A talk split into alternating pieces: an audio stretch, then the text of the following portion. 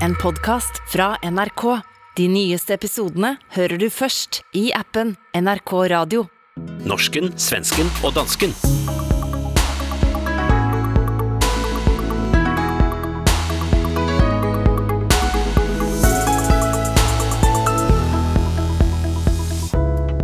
Taliban fløj privatfly til Norge for at forhandle. Sverige hedrer Fadime 20 år efter at hun blev dræbt. Danmark åbner helt op. Corona er ikke længere nogen samfundskritisk sygdom.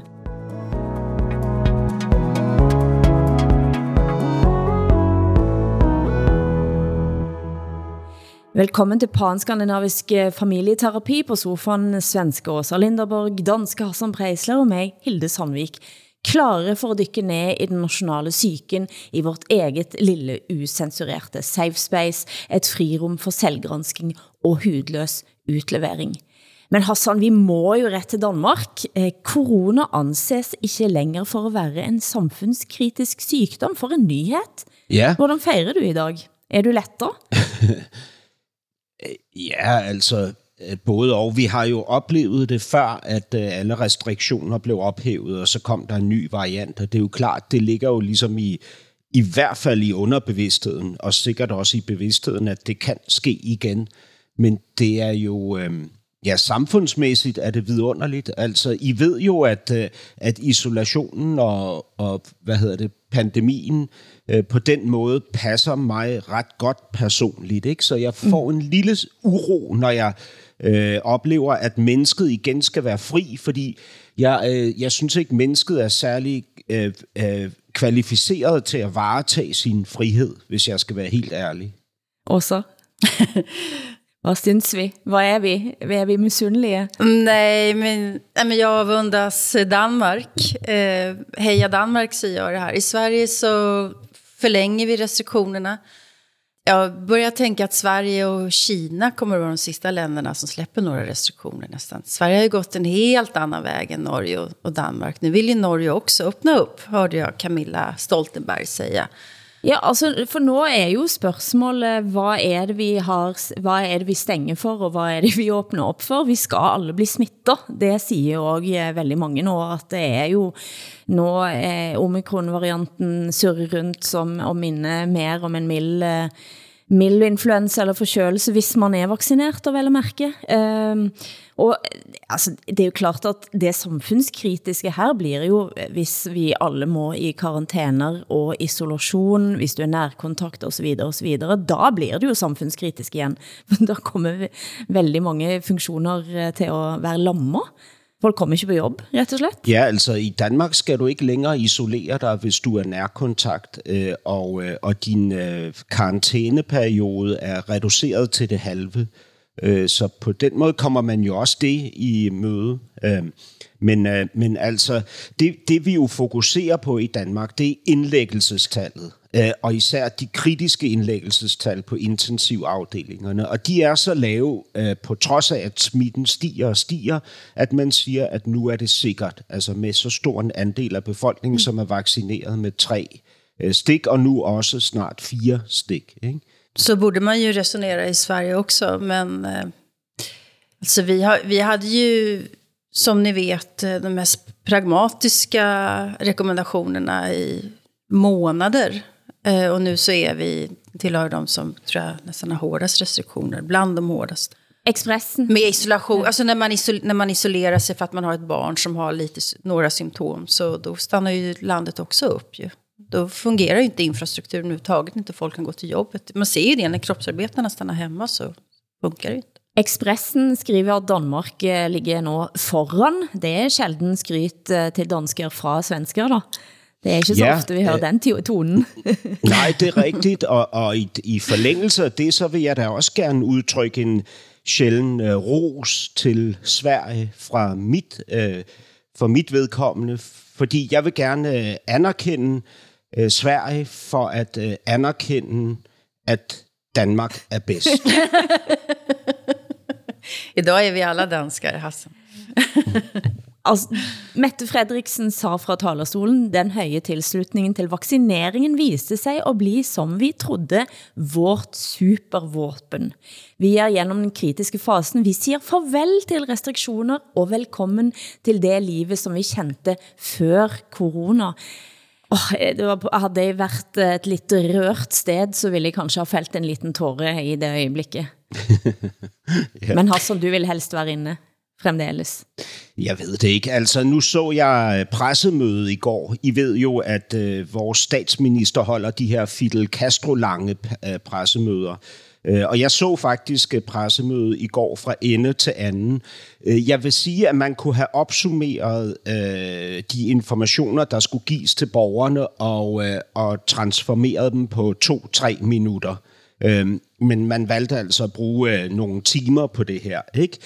Det mest interessante, der skete til dette pressemøde, var, da en journalist trådte ud af rækkerne og spurgte Mette Frederiksen til den store efterretningsskandale, som øh, pågår lige nu i Danmark. Øh, og hun blev tydeligt øh, først frustreret og siden vred over at blive spurgt til dette, som var uden for dagsordenen. Ikke? Dagsordenen var jo den glædelige øh, nyhed, som skulle overleveres til danskerne om, at vi nu ophæver alle restriktioner, fordi vi er danskere, øh, som Mette Frederiksen indirekte sagde det. Ikke? Ja. Men finns det någon som tror att, hon, att uh, Mette Fredriksson lättar på restriktionerna eller avskaffar dem därför att man, hon inte vill prata om den här uh, underrättelseskandalen? Nej. Det är, ingen som, det är ingen som tänker att det här är, är en krishantering? Nej, ikke, ikke før nu, uh, men ta tak, tak for tippet, Åsa. tak. Okay. Men Åsa, jag bara testar här. Siden sist så har du fått medhåll mm. fra uventet håll. Forsvaret? Alltså inte, inte jag personligen, men, men eh, jag vågade ju ändå säga att jag tyckte att svensk rapportering kring både de här drönarna och Gotland och eh, Ukraina-krisen, att det har varit eh, ganska högt tonläge. Och det har faktiskt Försvarsmakten gått ut och sagt nu, att de tycker att medierna har en krigsliknande tonläge, har de sagt, kring rapporteringen kring Gotland och drönarattackerna. De menar att svenska medier har tagit i för mycket. Det var, jag var inte van med att eh, få medhåll från det hållet, kan jag säga. Så jag är i chock. Ja. Men det er jo kanskje, for når jeg hører det her i sitter i Norge, så hører jeg jo kanskje også at man vil dysse ned, for det kanskje er mer krigslignende tilstander. Fast svenska medier har ju liksom varit inriktade i sin rapportering på att ryssarna vill ta Danmark. Eller det tar Danmark, ja. att ryssarna vill ta Gotland, att det är ett rejält hot. Och eh, det har jag ju inte trott på helt enkelt. Och om ni skulle ha följt svenska medierna de här senaste veckorna skulle ni nog också tycka att det har varit en gruppgalenskap faktiskt. Av eh, nästan eh, någon slags nationell yra över ryssarnas intresse för för Gotland. Och för Östersjön. De har fullt upp med annat, skulle jeg sige. Mm. Altså prøv at høre, Åsa, det her det er det vildeste Freudian slip, jeg nogensinde har oplevet. Det, du betragter simpelthen Danmark på niveau med Gotland. Altså du, du ser Danmark som en, en ø, der i virkeligheden tilhører Sverige og ligger derude i havet og og, og er lidt, uh, lidt truet af den store magt fra øst. Oh, ja, det er jeg, meget interessant. Jeg ved saker, du ikke ved. Uh, jeg, jeg vil sige, jeg synes, I skal sætte alt ind på at beskytte Gotland, for hvis det ikke havde været for Gotland, så havde jeg ikke eksisteret. Uh, mm. Da min far kom til Cambridge uh, for at studere i 60-tallet, i 60'erne, uh, så, uh, så var der en, uh, en japansk uh, geolog, som ansatte min far til at grave fossiler på Gotland. På Gotland. Og derfor, ja, og derfor måtte min far rejse fra Cambridge over København og videre til Gotland. Og da han stoppede i København, så tænkte han, wow, det er et fantastisk sted det her. Øh, til gengæld, når han var på Gotland, så kaldte de lokale mænd, de kaldte ham og hans pakistanske ven for spaghetti-drenge. Øh, de vidste tydeligvis ikke, hvad pakistanere var for noget på den tid, så de troede, min far og hans ven var italienere. Jeg troede, at alle var italienere. Ja. Undskyld, eller hvad skal jeg sige?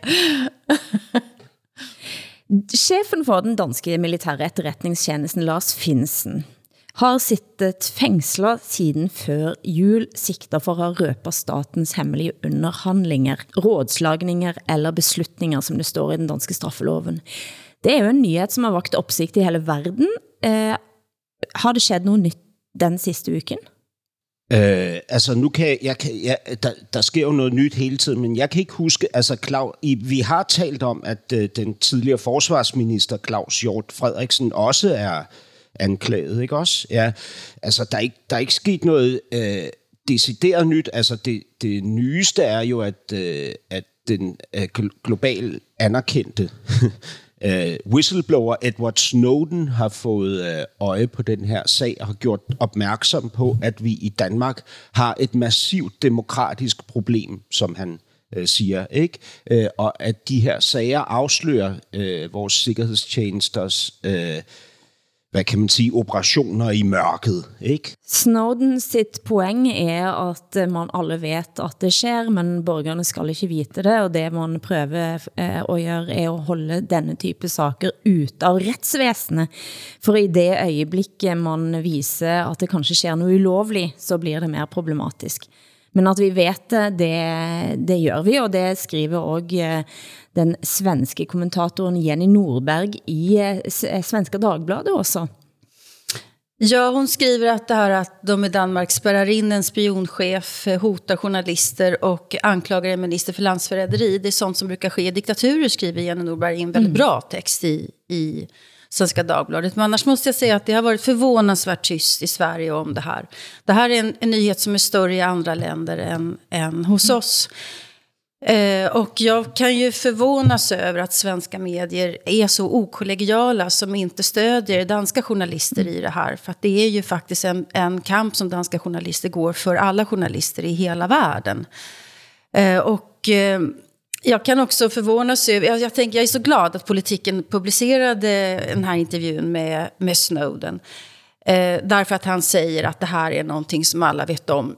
Så är det ju, men det är ingenting som vi ska prata om. Och jag tycker att det är intressant när vi här i radion pratade för något år sedan om att Danmark har hjälpt USA att avlyssna svenska politiker. Mm. Det är det som är upprinnelsen till det här. Det tycker jag borde ha lett till ett ramaskri mm. i Sverige. Varför ska ni avlyssna våra mm. politiker och vilka politiker handlar det om? Det blev knappt någon reaktion alls eftersom det väl då, antar jag, har att göra med länder som vi räknar till den goda sidan då. Som man ska lita på. Då blir det inte längre en principdiskussion. Mm. Mm. En sak som hele Norden, verden fik med sig i sin tid. I 2004 blev den svenske pastoren Helge Fossmo dømt til livstid efter drabet på hans kone. Det blev avslørt ekstremt usund kultur i pinsemenigheten han leder. Det er 18 år siden, og denne uken så slapp Helge Iversen, som han nu heter, ut av fængslet. Det har ikke gått upåagtet hen også. Nej, alltså i Sverige är det som att vi har bara fyra stora historier som vi kan prata om. Och det är, det är Knutby och sen så är det Palmemordet och sen så är det Estonia och så där. Alltså vi, vi är väldigt fixerade vid några, några berättelser och Knutby är ju en av dem. Och ja, men nu är han utsläppt och eh, jag är ju den som då tycker att då måste alla människor få en ny chans. Men frågan är vad han ska göra. Men det finns säkert någon sekt någonstans som tar emot Helge. Tror du han er blitt rehabilitert? Vad ska Helge Iversen nå i gang med? Ingen aning. Jag hoppas att han har blivit rehabiliterad. Jag vill ju tro på att uh, man kan bli det i fängelse. Ja. Så det är min förhoppning. Det er ikke hver uke Norge sætter dagsorden i hele verden, men det skedde denne uken efter at det blev kendt at vi er værtskab for samtaler mellem verdenssamfundet og Taliban.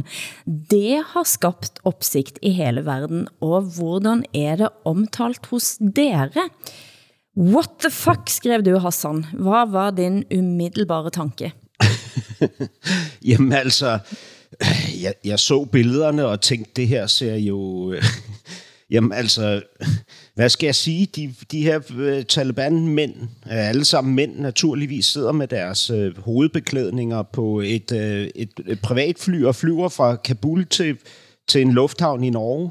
Uh, og, og nogle af dem sidder med deres smartphones, ikke? Uh, og man kan se, at de ligesom bruger begge hænder til at betjene de her smartphones. Mm. Altså det er jo bare, hvad kan man sige, det er jo det er jo feudalsamfundet, der sejrede, ikke? som nu ligesom bliver bliver sat op i et fly og fløjet direkte øh, hen til baronens seng, ikke? hvis nu man skulle øh, øh, anvende et, øh, et, et, et billede fra den øh, gamle danske øh, dramatiker øh, Ludvig Holberg. Jeg vil bare understreke, at øh, Holberg er bergensk. Men eh, man kan jo lure på, hvad Ludvig Holberg havde sagt om Taliban eh, til Norge, altså oplysningstidens mand, som bragte vel oplysningstiden til Norden. Hvordan ser det ut at ta imot middelalderen på denne måten? Hvordan har de svenske reaktionerne været også? Nej, men jag tycker att det har varit en ganska mm, prövande och bra diskussion kring det här. Alltså att, att Norge tar emot de här talibanerna betyder ju inte att Norge faktiskt erkänner mm. Islamiska emiratet Afghanistan. Det är inte vad Norge gör här och det är ganska, ganska viktig distinktion. Eh, men sen också så är det är en ganska tricky fråga. Det är en balansgång här. Alltså hur, om man ska fortsätta med bistånd till Afghanistan, då måste man nog ha en dialog med, med talibanerna hur det där biståndet ska komma mm. fram. På vilket mm. sätt? Eh, och det finns inga andra att förhandla med. Och då är det de där figurerna. Sen kan jag ju tycka att det är otroligt provocerande att en av, en av de som landade i Oslo är den här, vet han, Anna Sadran va? Hur som helst, och det nätverket som han tillhör var ju ansvariga för den här attacken mot ett hotell 2008, va? när en norsk journalist mm. dog. Mm. Och Jonas Gahr Støre var på plats. Och det är, alltså, det är ju fruktansvärt provocerande, tycker jag. Så det är möjligt att man hade kunnat, kunnat liksom ändra vissa detaljer i det här. Men att man ska på något sätt förhandla med talibanerna, det tror jag man måste göra. Om man vill att Afghanistan fortfarande ska ha något bistånd. Det är väl egentligen det som är den stora frågan. Ja, och så är det stora spørgsmål også, att eh, Afghanistan er är i färd med att rakne fullständigt och og afghanere flest lever på 10 kroner dagen, eh, priser eh, omtrent på nordisk niveau. Eh, man, man er i en vinter en million barn eh, kan stå i fare for at, for at dø. Altså det er jo det, er jo den grusomme faktum eh, her. Mm. Eh, det er sjelden jeg gir folk lekser, men jeg har lyst til at give alle lyttere av norsken, svensken og dansken, både i Danmark, Norge og Sverige, en liten lekse. Rett og slett at se debatten på NRK som var denne uken, som er den største tv-sendingen, tv-debatten i, i, i Norge, leder av Fredrik Solvang. Og grunden til at jeg ønsker det er at eh, dette var ingen traditionell eh, debatt der du da kunne ha satt, sett for dig at du havde oppositionen som mente, i Norge var det for så vidt bare FRP som gik knallhardt ut mot at Taliban eh, kom til Norge på denne måten. Men utover den norske utenriksminister Anniken Wittfeldt var det kun afghanske kilder. Du og jeg må jo gerne ha stærke følelser om det var rigtigt eller galt at invitere Taliban til Norge, men de færreste av oss har følt Taliban på kroppen. Det har derimot alle som er her i studio i dag. Likevel er de veldig uenige om Huitfeldt og regjeringen gjorde rett. De som mener det var riktig, står på denne siden, og de som mener det var helt feil, de står på denne siden. Velkommen til dere alle. Ingen norske har blev gitt taletid. Det var effektivt, det var stærkt, og det blev utrolig interessant og relevant samtale. Jurist og menneskerettighedsaktivist Pamir Esas som eh, forsvarte invi eh, eh, en invitation av Taliban, er kanskje den som jeg tænker viser også det største dilemma. Han, har, han eh, er jo som alle de andre stærkt eh, både kritisk, men også avvisende til, til Taliban og det de står for, men som snakker veldig stærkt om hvad som sker, om man ikke snakker med det som trods alt er vinderen av krigen. I fjor var du en av initiativtakerne til en demonstration mot Taliban, men nu er du altså her for at forsvare at Taliban er på norsk jord. Forklar. Ja, det er ikke med et lett hjerte, og jeg tar stærkt afstand fra alt de representerer. eneste grunn til jeg står her i dag og på motsatt side, er av tre enkeltgrunner. Det ene er den humanitære krisen, hvor millioner av mennesker kan dø av sult. Det andre er for å kunne styrke om rettighetene til minoriteter og kvinner. Og det tredje er for å avverge at hele staten kollapser og faller inn i ekstrem fattigdom. Og på et personlig plan, ut fra det jeg erfarer, ut fra det jeg har sett, så puster den alminnelige eh, afghaneren om, om, håp, om fred, og at deres barn ikke skal måtte gå gjennom de samme lidelsene de har gått gjennom. Og for å sikre det, så er den ukomfortable realiteten at vi må inngå dialog med Taliban. Men eh, her var også Mariam Rasoli, forfatter, som fortalte om eh, hvorfor hun som ung kvinde måtte flykte fra Taliban. Um, jeg var veldig liten, jeg var 12 år når jeg ble tvangsgifta. Og så 13 år jeg mistet første barnet, og 14 år mistet jeg andre barnet. 15 år jeg var mor. Og eh, fra fire måneder til 40 år jeg ble slått av mannfolk. Du kan si onkelen min, faren min, nabo, alt mulig, fordi jeg var ei jente. Og det er helt, helt normalt. Og så jeg sier ikke hele Afghanistan er sånn, men de fleste. Når du er jente, du har absolutt ingen verdi. Og det grunnen kommer fordi du har lite utdanning, du har ikke makt, og du har ikke på en måte menneske. Du er jente, du skal tilhøre mannen din. Og alltid man sier du har to gud i verden. Ene er opp i himmelen, andre er mannen din. Og det, det var den at eh, grunnen at jeg måtte forlate Afghanistan. Mm.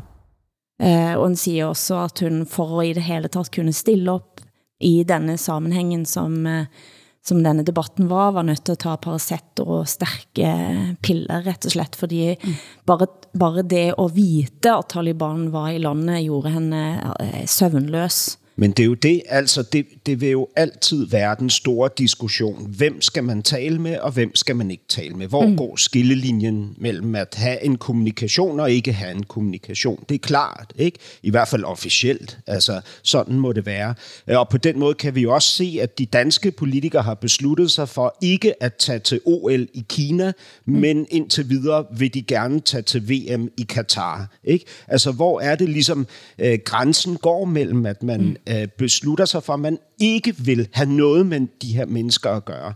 Og jeg, altså for mig at se, ikke, hvis grænsen skal gå et sted, så skal den gå ved Taliban. Mm-hmm. Og, og der er i min verden simpelthen ikke noget at tale med de her mennesker om. Altså det kan ikke lade sig gøre.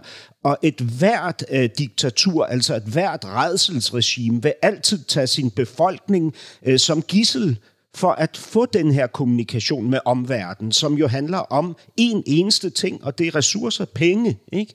Øh, og og, og det, det er jo klart, de kan jo præsentere en befolkning, der er udmagret, og det gør ondt i vores hjerter, så vi beslutter os for at tale med Taliban om nødhjælp. Ikke? Vi ved jo godt, altså vi er jo ikke idioter, vi har jo, kan jo kigge på historien, og så regne os frem til, hvor de midler og den nødhjälp vil ende henne for en stor dels vedkommende. Ikke? Jo, precis. Men alltså, det finns ju också en historia de senaste 20 åren som faktiskt är att västvärlden har varit där. Mm. Och, eh, och krigat eh, och bombat och inte skapat någonting, mm. ärligt talat som är bestående. Och då är ju frågan, har vi något ansvar för afghanerna överhuvudtaget? Eller ska vi bara, ska vi bara eh, invadera och sen mm. dra därifrån? Her var det jo ikke invadering, det var jo også netop eh, for å, å dæmme op mot at eh, Afghanistan skulle ende eh, som en producent av eh, terrorbevægelse i, i verden. Eh, Absolut, men vi vet, vi har ju alldeles just sett mm. facit mm. när, när eh, USA som sista drog sig mm. ur eh, mm. Afghanistan i höstas. Det är facit efter 20 års aggressioner i det landet. Det, alltså, det mm. vore mm. ju helt bizarrt om vi inte skulle lära oss någonting av det där och kunna diskutera den skulden som vi faktiskt också har. Ja, og det, ja, og det er jo noe altså, der, altså enten så, enten så går man ind, og da blir man, eller og hvis man går ind, eh, så er det noe med den retretten, eh, som, som var jo en eh, total, eh, eh, altså, ja, det er totalt ødelæggende for landet, både på den ene og den andre måten. Eh, men jeg har igen altså lyst til at give denne opgaven og se debatten, fordi den trykker på mange ting, men den giver også en, eh, den giver også en liten lærepenge i hvor enormt mye mer interessant eh, og relevant en samtale og en debatt blir, eh, fordi at man henter ind stemmer, som både faktisk er berørt, eh, og som har eh, fingeren på pulsen, og som kan snakke på den måten som de ja. gør i, i denne i denne diskussionen. Jag såg ett litet klipp och det var ju faktiskt fantastiskt att se. Det var upplyftande.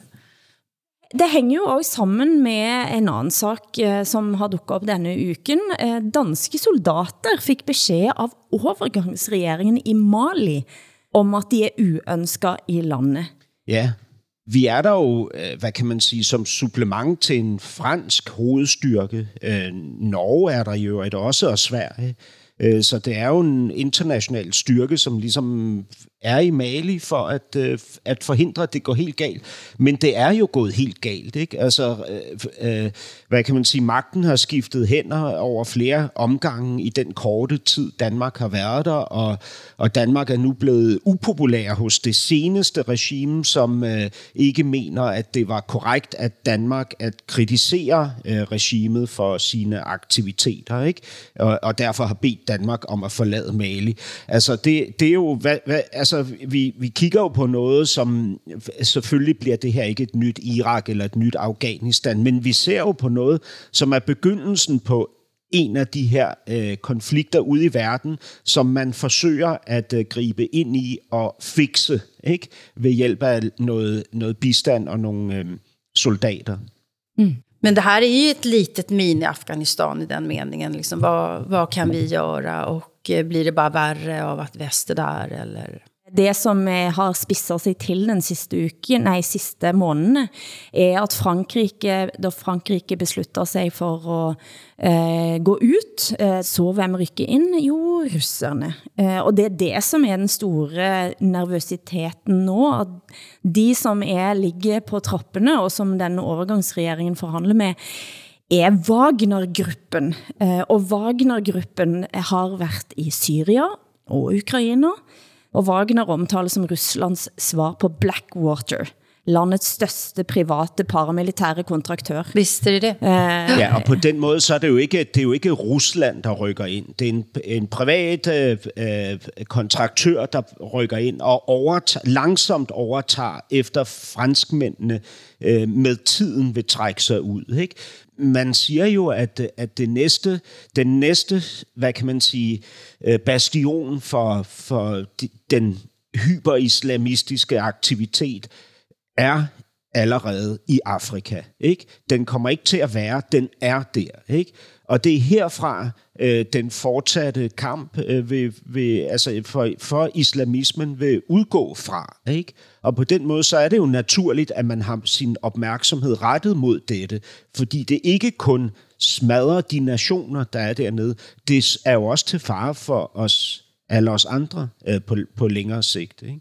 Jo, men det, det finns ju också någonting om att vi går franska kolonial, alltså den forna kolonialmakten Frankrikes ärenden här också. Ska vi göra det verkligen? men det er jo det, som er... Det låter så cyniskt att säga att man inte ska bry sig om islamister i Afrika. Jag menar, det är klart att man ska göra, men frågan är med vilka metoder. Ja, det er i hvert fald det, det lokale regime siger. Ikke? De siger jo, at franskmændene er der alene for at undertrykke befolkningen og, øh, og udnytte landets ressourcer, hvorimod franskmændene siger, at det handler om, om geopolitik. Ikke? Men om vi vänder på frågan då, hur många danskar tycker du att vi ska, och svenskar, norrmän, ska vi skicka ner till Mali? Hur många soldater ska vi skicka ner? Øh, personligt, Räcker det med de här 200 eller ska vi skicka 2000, 20 000, 200 000? nej, p- personligt så synes jeg, at vi skal trække os ud af Mali så hurtigt som overhovedet muligt. Ja, okej, ja, men då är vi överens. Mm. Du hører norsken, svensken og dansken i SR, DR og NRK.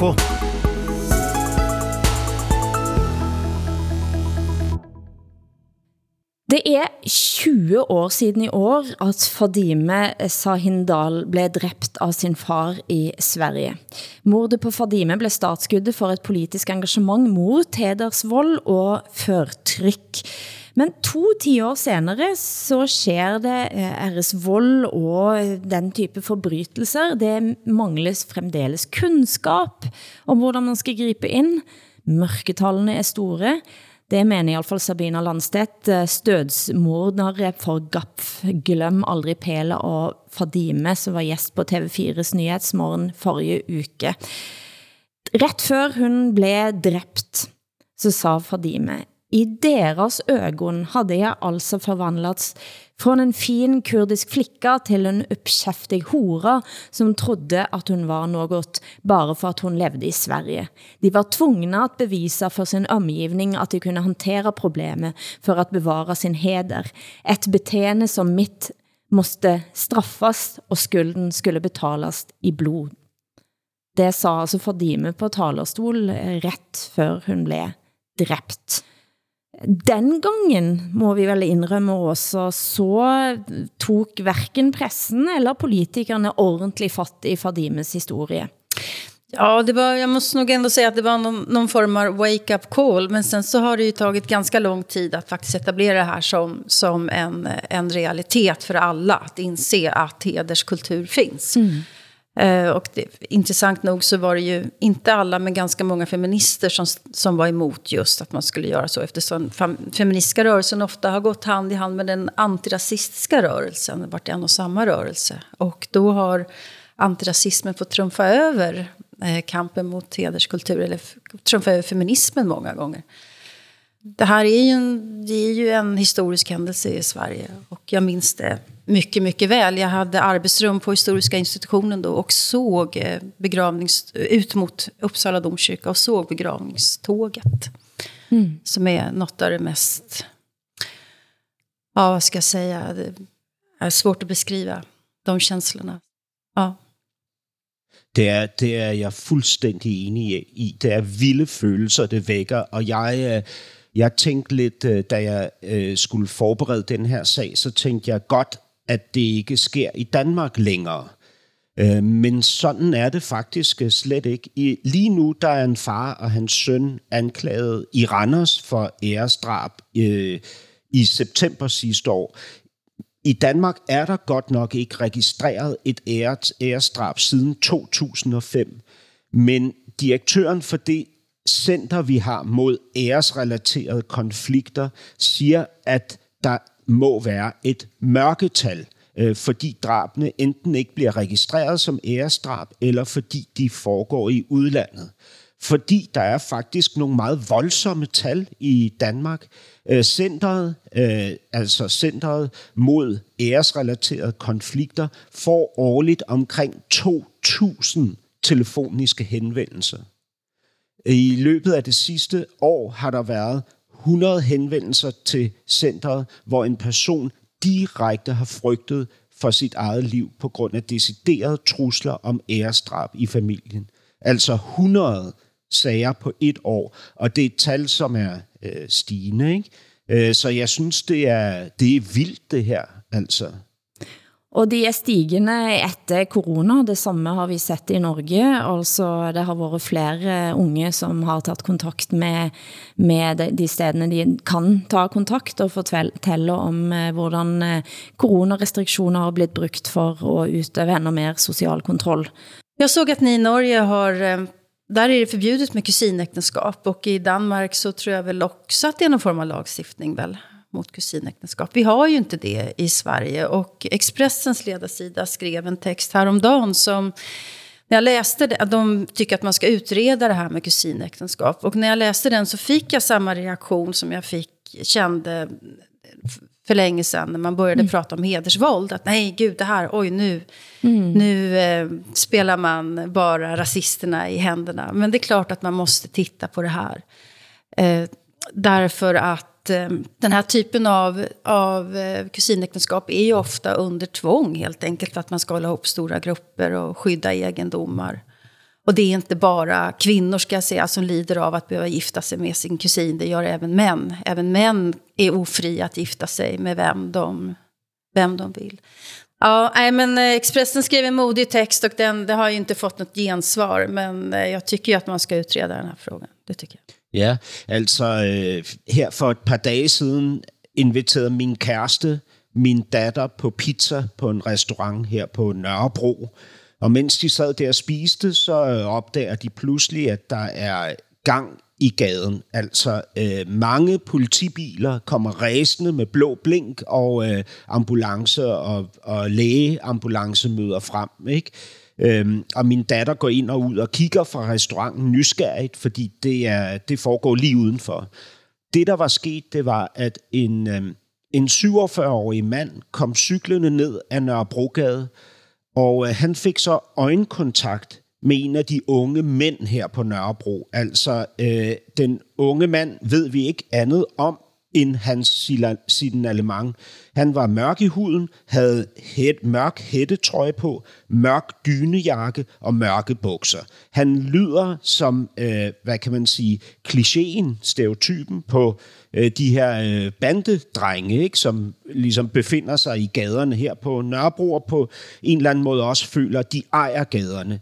Den 47-årige cyklist kommer altså til at få øjenkontakt med den unge mand – Øh, og, øh, og, og den unge mand siger så, hvad glor du på? Og den 47-årige svarer ikke noget og cykler videre. Men han har allerede overtrådt grænsen for, hvad man må. Han har trådt på den unge mands ære, og derfor forfølger den unge mand ham den 47-årige, og fanger ham altså foran den restaurant, hvor min kæreste sidder med min datter, og stikker ham med en kniv to gange dybt og en gang overfladisk, så den 47-årige mand ligger på hospitalet og kæmper for sit liv. Ikke? Er det her et æresdrab?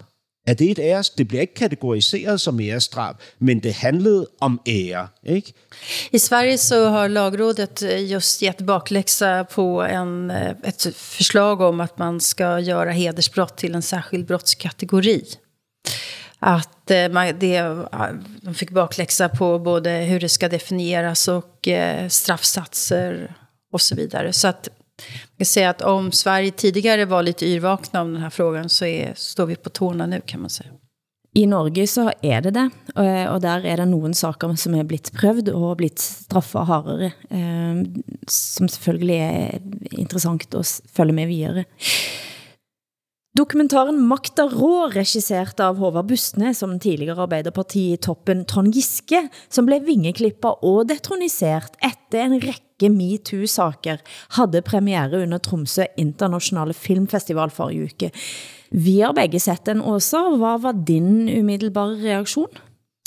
Ja, jag tycker att det var en välgjord film. Och eh, jag kände när jag såg den att jag inte alls säker på att Trond Giske vinner någonting på att vara med i den här filmen. Men han är ändå det, därför att han vill berätta sin historia. Och jag tycker att det är viktigt att de här männen som är anklagade i metoo-revolutionen, att de får berätta sin historia. Det var en välbalanserad film och eh, jag, står fortfarande lite frågan vad han egentligen är anklagad för. Samtidigt som jag också förstår att han har varit gränslös. Jag kände också när jag såg det här att det här är en politiker. Det är synd att den här politikern är försvunnen från Norge tycker jag. Därför att, eller från norsk offentlighet. För att det här är en politiker som Arbeiderpartiet behöver ha. Jeg så jo filmen eh, for et stykke tid siden. Håvard Bustnes, eh, som har skabt filmen, han har jo tidligere lagt filmer om alt fra kvinden i Golden Dawn i, i Hellas. Eh, Dagbladets kommentator Marie Simonsen skrev eh, om denne filmen da, eh, at det er en studie i magtas medhjælpere, mens Aftenposten kaldte den tandløs. Det var jeg uenig i, men jeg må jo også indrømme at jeg, jeg satt jeg vidste ikke egentlig, hvad jeg helt skulle tænke, men det, som jeg var ganske stærk, det var da den unge generationen rejste sig og gik taust ut av et møte, der Trond Giske stod på talerstolen og snakkede.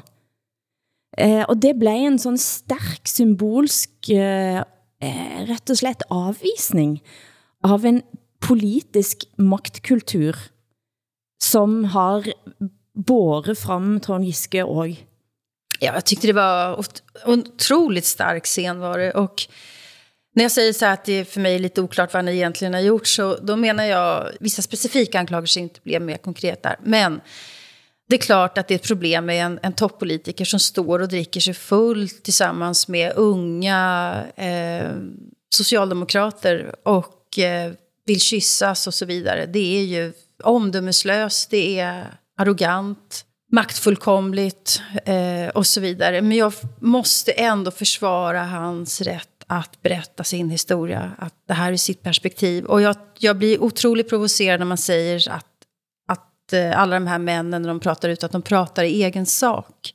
Det är väl klart att de pratar i egen sak. I vems annan sak ska de prata?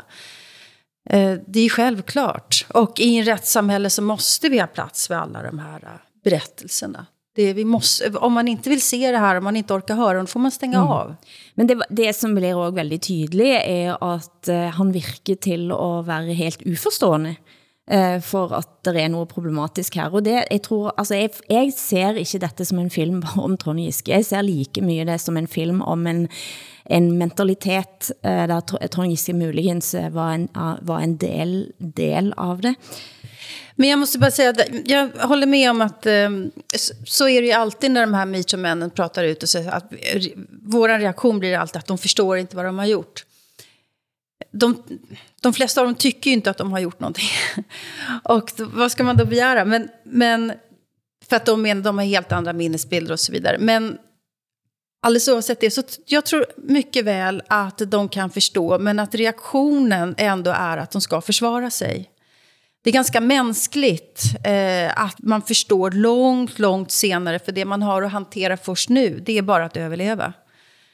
Så att vem av oss är inne i Trond Giskes skalle? Vem av oss är inne i det där huvudet, inne i hans hjärta och vet vad han egentligen tänker? Det, det är liksom, det är ganska det är ganska svårt att säga att vi vet vad han egentligen har förstått och inte förstått. Det är nog en ögonblick. Eller, hur lång, eller vad kan vi begära, hur lång tid ska det ta för en person att förstå och så vidare? Det var någon ögonblick eh, där han, eh, för han reser runt i Trøndelag, som är på ett vis hans eh, hjem, stavn, där, där føler han sig hemma och, och möter den äldre garden.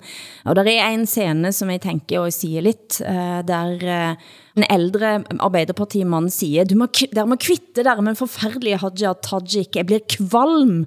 Jeg blir kvalm, når hun kommer op. Jeg, jeg orker ikke at høre. Og Trond Giske, i stedet for at være den politikeren og statsmannen han kunne være med at sige, sådan den type måte snakker vi ikke på, så bare, him så bare himler han lidt med øjnene og går væk. Eh, det var ett tydligt ögonblick. Eh. Det, det håller jag med om. Och jag tror som sagt, jag tror inte att Trond Giske, att det kommer ut något gott för honom att vara med i den här filmen överhuvudtaget.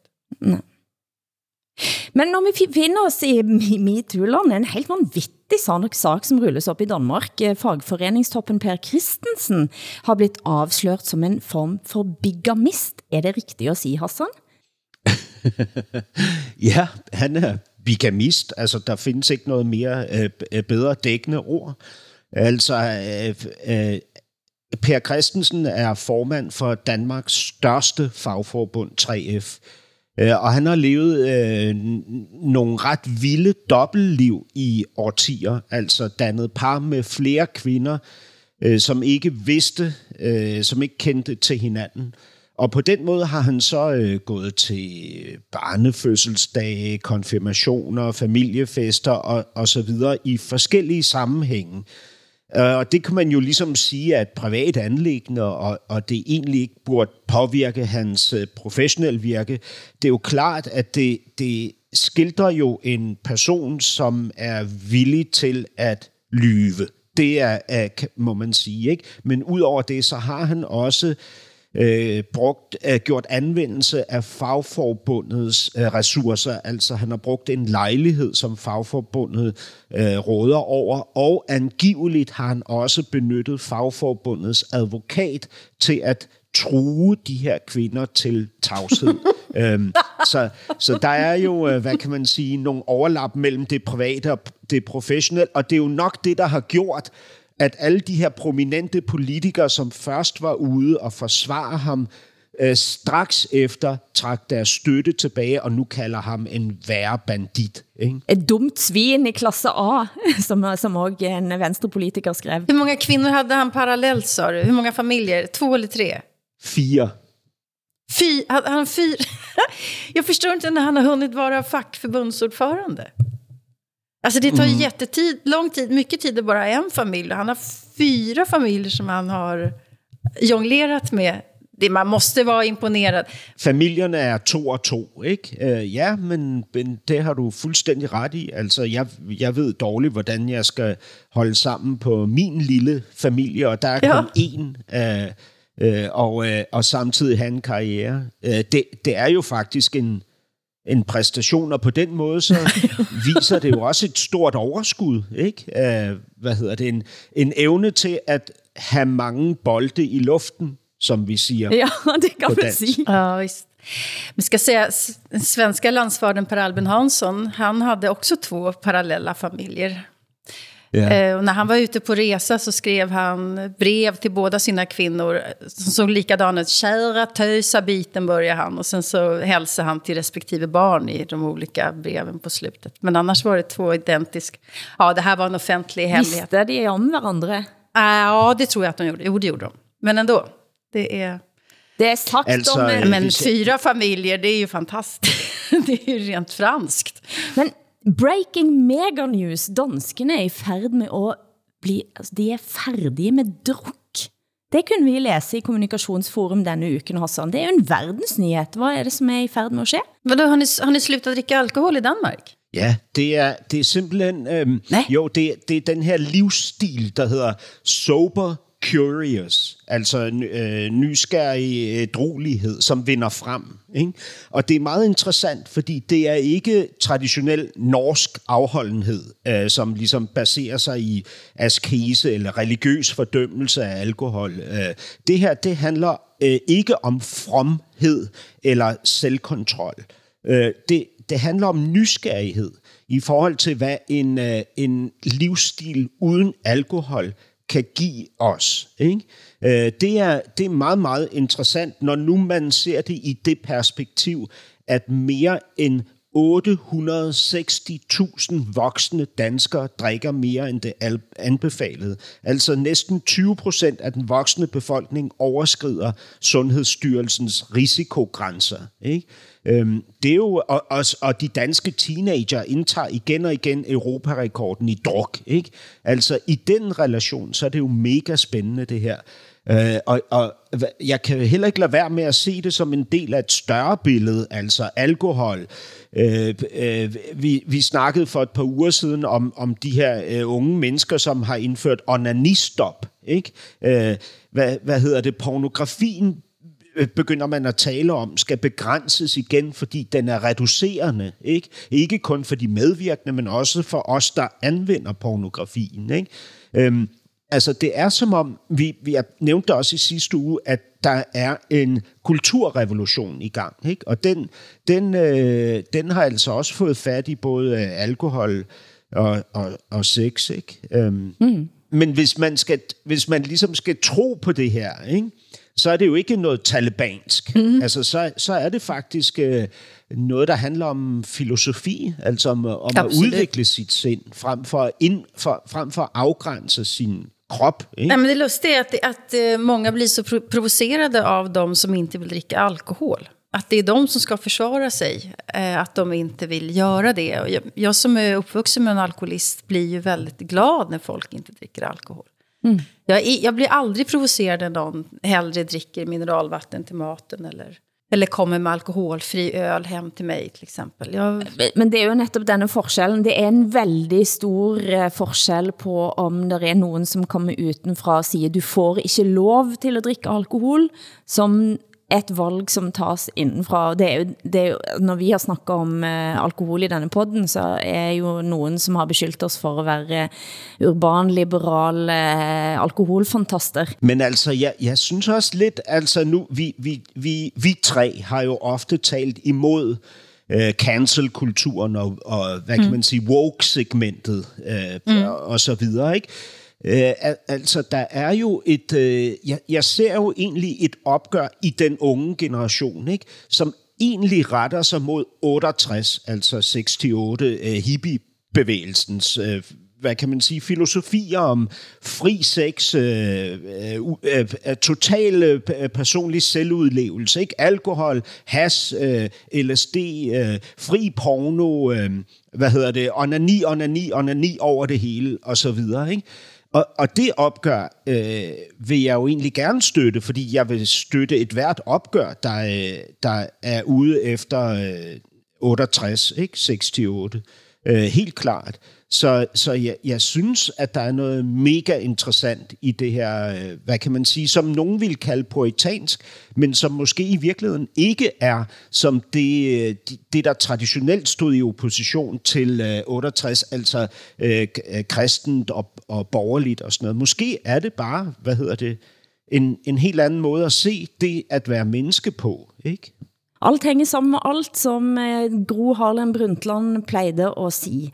Men nu nærmer det sig slutten. Den store, den store norske filosof.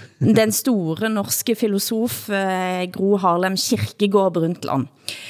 Det nærmer sig slutt av denne sendingen. Det nærmer sig jo vinter-OL, olympiske spelen igen, og da kommer jo spørgsmål op, som splitter den skandinaviske kernefamilien. Hvem skal Danmark heje på?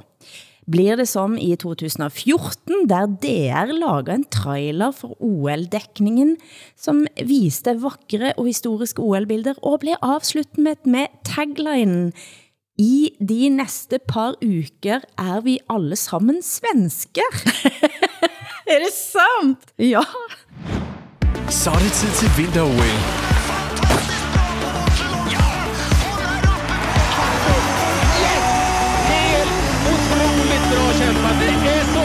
Av begge två. I de næste par uger er vi alle sammen svenske. Men då var ni ju fulla i alla fall. Då hade ni inte slutat dricka alkohol när ni gjorde den där trailern kan jag säga. Er vi nordmænd så irriterende, når det kommer til vintersport? Det er som om, vi i Danmark bedre kan klare, at, øh, at svenskerne vinder medaljer, end at nordmændene gør det. Jeg kan ikke helt sige, hvorfor det forholder sig sådan. Nej, det kan du inte mena, Hasse. Jo, jeg kan huske, jeg var på Roskilde. Ni hatar ju Sverige. Jamen, jeg var på Roskilde Festival på et tidspunkt under EM eller VM. EM har det nok. VM var det. Øh, hvor Norge spillede mod Brasilien, tror jeg. Nej, jeg kan ikke huske det. Men, Nor- men der var en vigtig kamp for Norge. Og der sad øh, mange, mange tusind danskere og, og hånede det norske landshold, altså med latterudbrud og, og bueråb og så videre. Kan du huske det, Hilde? 400 års nat, som vi kalder forholdet vårt til Danmark. Det er fremdeles bekmørkt.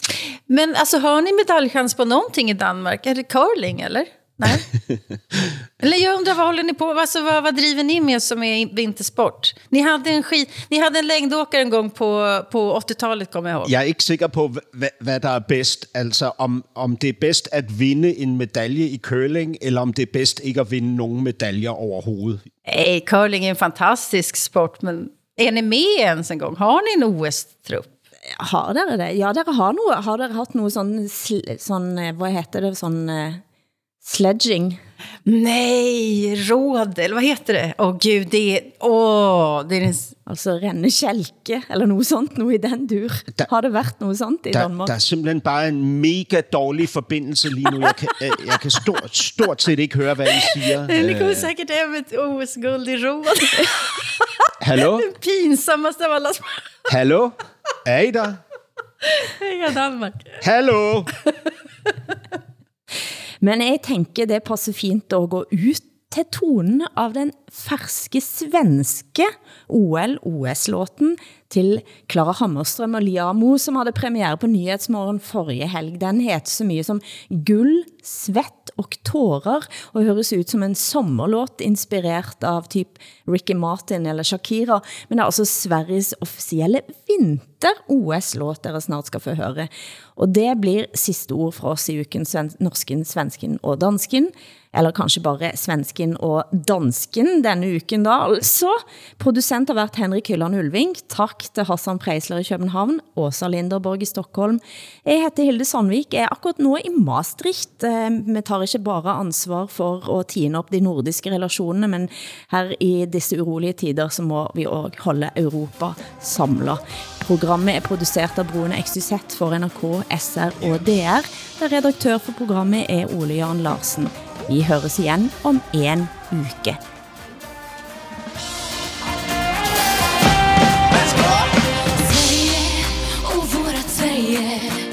Och du fria, nu kämpar vi för dig Sverige, blågula färger Och jag hör hur de kallar på mig Och vi ska kämpa hårt till sista droppen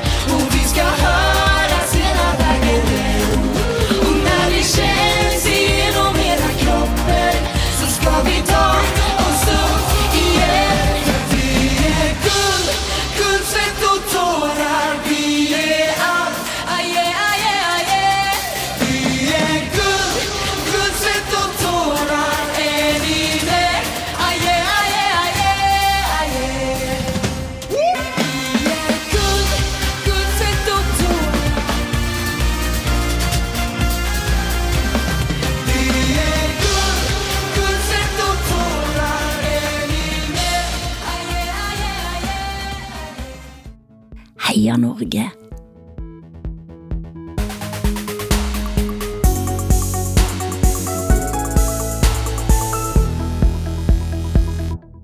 Du har hørt en podcast fra NRK. De nyeste episodene hører du først i appen NRK Radio.